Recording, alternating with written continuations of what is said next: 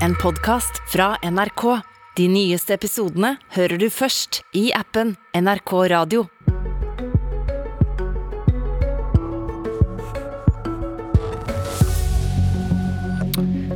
Krisepakken er klar. Dette kommer til å koste. Og det er sånn også i Norge at når noe kommer inn og begynner å koste, så kan det hende at vi må bruke mindre penger på andre ting når det er krise. Så den stemningen vi har nå, at vi skal stille opp, den håper jeg er på en måte varm og nøktern. Norge forbereder seg nå på titusenvis av flyktninger, og da må alle som kan bidra. Også de som tjener penger på flyktninger. I dag kommer regjeringen med en bred krisepakke for å møte konsekvensene av Ukraina-krigen i Norge. God morgen, Lars Nehru Sand, politisk kommentator i NRK. God morgen. Hva vet du om hva som kommer? Det regjeringen skal redegjøre for nå, og som formelt kommer til Stortinget senere, er at man legger flere milliarder kroner på bordet for å eh, finansiere mottak av flyktninger til Norge.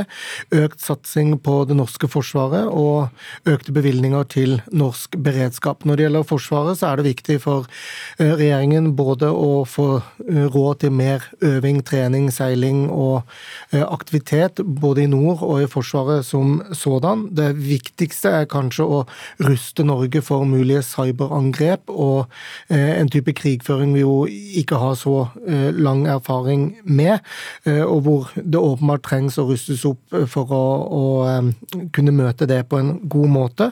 Når det gjelder vanlig sivil beredskap, så må man planlegge for grensekontroll, for bemanningen i, i politi og langs, langs grensene, men også det å ha gode nok varslingssystemer hvis en form for krise skulle oppstå. Jeg tror eh, det også kommer til syne at eh, for Arbeiderpartiet så er det å levere på beredskap og sikkerhet noe som ikke bare fordi de er et regjeringsparti med ansvar for styringen av Norge, men også fordi 22. juli og, og ettervirkningene etter det, oppfølgingen av hvordan beredskapen ble møtt da, gjør det ekstra viktig både for regjeringen som regjering, Arbeiderpartiet som parti, men også Støre som statsminister, og, og forsikre seg om at man gjør det som står i ens makt, og som er mulig å få gjort, eh, for at eh, Norge har en best mulig beredskap til enhver tid. Så planlegger man for eh, bosetting av 35 000 flyktninger i Norge. Det vil være det meste som har skjedd i løpet av et kalenderår noensinne, også hvis man tar med luftbroen til Balkan på 90-tallet. Men man planlegger også for, eller har beredskap for, at det tallet vil kunne bli langt, langt høyere enn det, uten å, å ha noe mer tallfesting av hva man går offentlig ut med i dag.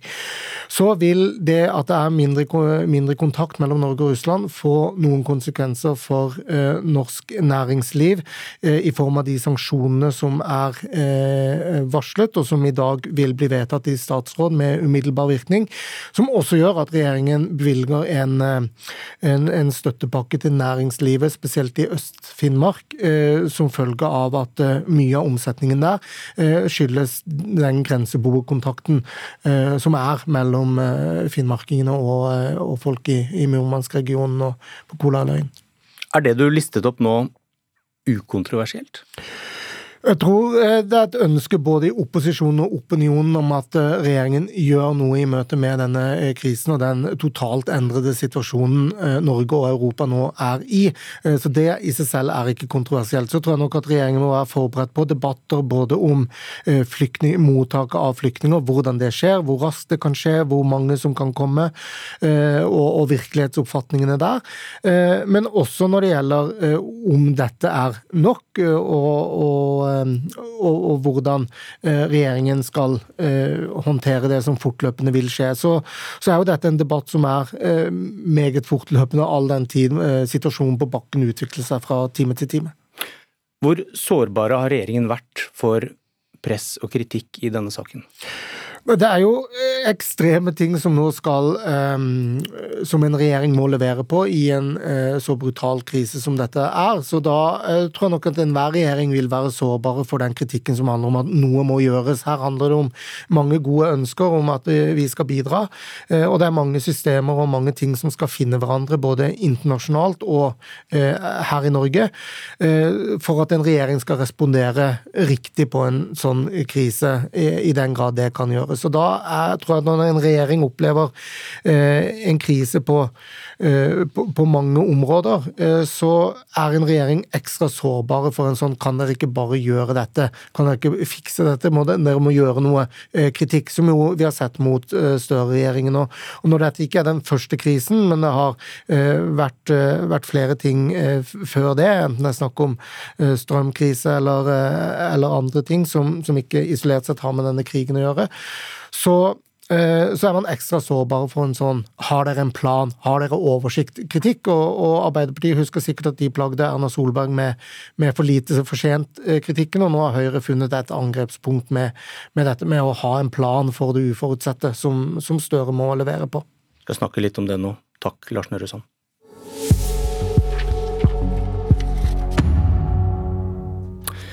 For som nevnt, norske kommuner har blitt bedt om å bosette 35 000 flyktninger i år, og Utlendingsdirektoratet jobber nå med å skaffe nok plasser på flyktningmottak. Tobias Drevland Lund fra Rødt, velkommen. Tusen takk for det. Eh, du sier til Aftenposten at det nå er viktig å ikke la de kommersielle aktørene ta ut stor profitt. Samtidig sier det nevnte Utlendingsdirektoratet at man er helt avhengig av å kjøpe tjenester fra private selskaper som Hero. Hvordan skal man unngå det nå, mener du? La meg først si at i den eh, svært uoversiktlige og kutte situasjonen vi er i nå, så har også Rødt forståelse for at man må ta i bruk eh, privat kapasitet. Så er det veldig viktig for oss å skille mellom kommersielle private drivere av asylmottak og private ideelle drivere av asylmottak som Norsk Folkehjelp, som vi også støtter helhjertet opp om. Eh, men så er det jo sånn at jeg mener at vi burde ha lært litt av den forrige flyktningkrisa vi hadde i 2015-2016, der noen enkelte store kommersielle aktører tjente gode penger på å drive asylmottak. F.eks. Hero Norge AS, som også har de fleste kontraktene nå med UDI på drift av akuttmottak, tjente jo i 2015 44 millioner kroner. Tok ut 44 millioner kroner i overskudd, i utbytte av de pengene de tjente på å drifte asylmottak. Og Dette er jo skattebetalernes penger. Og For Rødt så er det aller aller viktigste at de pengene som vi betaler i skatt, skal gå til de menneskene som trenger det aller aller mest akkurat nå, og det er flyktningene fra Ukraina. De skal ikke gå til å fylle lommene til kommersielle eiere. Men så har vi den situasjonen det kan komme mange flyktninger. Krigen kan vare lenge. Hvis vi kan hjelpe flere, men det fører til at noen tjener gode penger på det, skal vi heller ta imot færre? Som sagt så støtter også eh, Rødt at vi tar i bruk alle gode krefter i den situasjonen vi er i nå. Men framover Vi vet ikke hvor lenge denne situasjonen kan vare. Den kan vare et år, to år, vi vet ikke. Framover så må vi bygge og rigge oss for en kapasitet der også det offentlige stiller opp i større grad, og der private ideelle aktører får et større spillerom enn det det gjør i dag. For nå ser vi en kommersiell ensretting. Nasjonen kunne skrive i dag tidlig at av de mottakene som allerede er oppe, tre er drevet av kommuner, tre er drevet av ideelle aktører, men 31 er drevet av Hero AS, og da ser vi en kommersiell ensretting.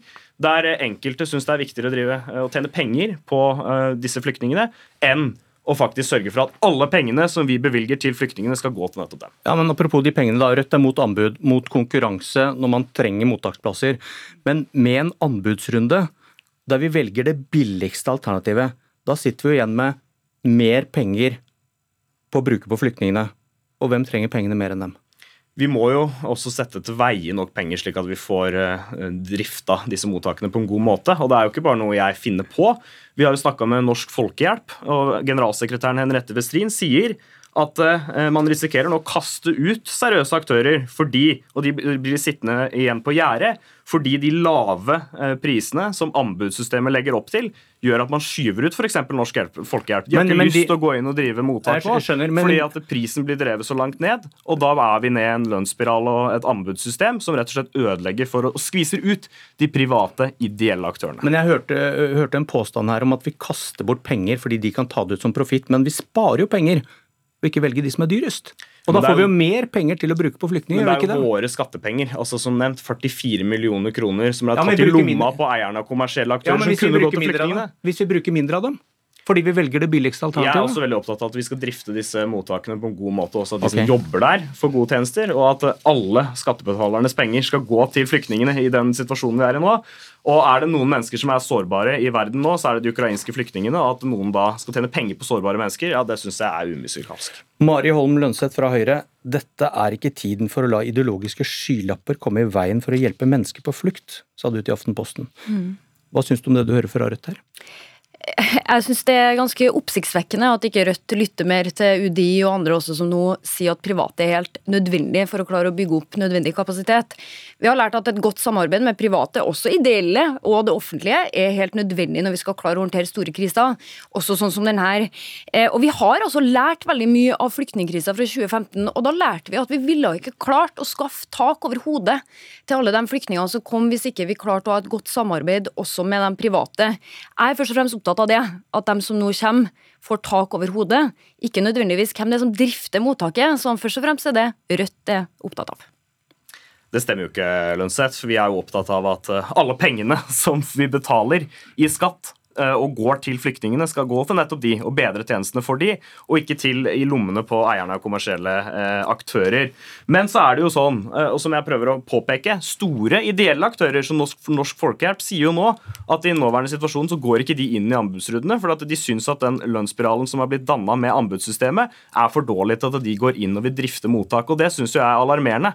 Og jeg syns jo vi skal ha flere ideelle private drivere av eh, mottak. Men eh, sannheten nå er at vi går mot en kommersiell ensretting.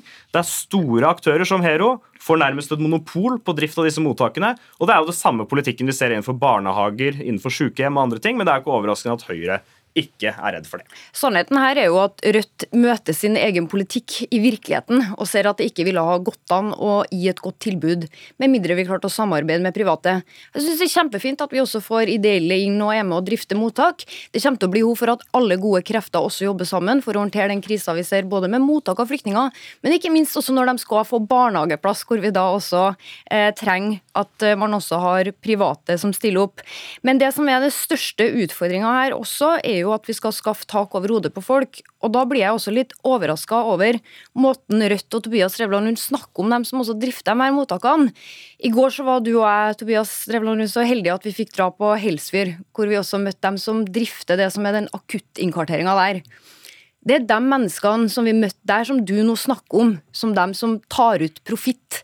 De som er privat, de som sørger for at de her menneskene får tak over hodet nå. Det som sørger for at de får barn som får muligheten til å leke og ha et trygt område. Det er dem vi snakker om. Og da syns jeg heller at vi skal takke dem for at de også er med å stille opp i det som er en utrolig stor krise for Norge fremover. Ok. Fremfor. Eh, Høyre ber regjeringen lage planer som tar høyde for eh, inntil 100 000 ukrainske flyktninger det neste halvåret. Hvor var denne voldsomme omsorgen i 2015, da Erna Solberg sa at det ikke var realistisk å ta imot 10 000 kvoteflyktninger fra Syria? Jeg tror vi skal eh, huske også I 2015 så kom det én million flyktninger til hele Europa over ett år. Nå har allerede på tre uker tre millioner flyktninger på vårt egen kontinent, kontinent flykta. Vi snakker om kapasitet. Og da er det også viktig at vi har det er derfor det er viktig at vi har gode planer for å bygge opp den kapasiteten. Jeg har ikke nødvendigvis noe tro på at det vil være 100 000 som kommer. Men hvor, hvorfor, var det, hvorfor, var det, hvorfor, hvorfor er det mulig å ta imot 100 000 på et halvt år nå, mens det var umulig å ta imot 10 000 på to år i 2015? Det er også viktig å huske på at i 2015 så tok vi imot over 30 000 til Norge, som også kom eh, under den flyktningkrisa. Ja, hvorfor sa dere Det- det var så vanskelig å ta imot 10 000? Det handla jo om at vi etter det også har lært veldig mye om at vi trenger nye beredskapsplaner for å klare å håndtere en så stor krise. Det har vi lært mye av. De beredskapsplanene ligger også nå til grunn, og det er veldig godt at regjeringa også følger opp dem. Men det vi har etterlyst, er også at man klarer å se flere ulike scenarioer av det som kan skje fremover, nettopp fordi at situasjonen er så utrolig uoversiktlig. Det kan jo virke kan som Høyres hjerte banker litt hardere for ukrainere enn for syrere, da. Nei, Det her handler om at det nå er krig også i vårt nærområde, og da må også vi være med å ta vår del av ansvaret. Vi ser også nå hvor det er utrolig mange flyktninger det er som har flykta fra Ukraina på få uker, og vi må forberede oss på at dette blir en stor krise. Men det her er jo også mennesker som vi gir midlertidig kollektiv beskyttelse, som vi er også opptatt av at skal returnere til hjemlandet og være med å bygge opp det, også når krigen er over. Får vi se hvor lenge den varer. Jeg synes Det er kjempebra at Lønseth og Høyre har et eh, bankende hjerte for eh, flyktningene fra Ukraina. Og så håper jeg det altså kan omsettes til andre mennesker på flukt fra andre deler av verden, som vi også veit trenger vår hjelp. Blant annet så er det sånn at Norge fra 1.3 har opphevet suspensjonen av utreise for afghanere. Og dette er jo mennesker som jeg tenker vi har plass til, og som jeg tenker er viktig at også Norge tar et ansvar for. Og mange mange andre på flukt og mange andre som befinner, befinner seg i leire i Middelhavet. Norge skal ta ansvar for å hjelpe mennesker som er på flukt, og det kan vi gjøre på flere måter. Enten ved å ta imot kvoteflyktninger, bistand, og også ved å gi opphold til dem som kommer hit. Takk Mari Holm Lønseth. Takk Tobias Drevland Lund. Dette var Politisk kvarter. Jeg heter Bjørn Myklebust.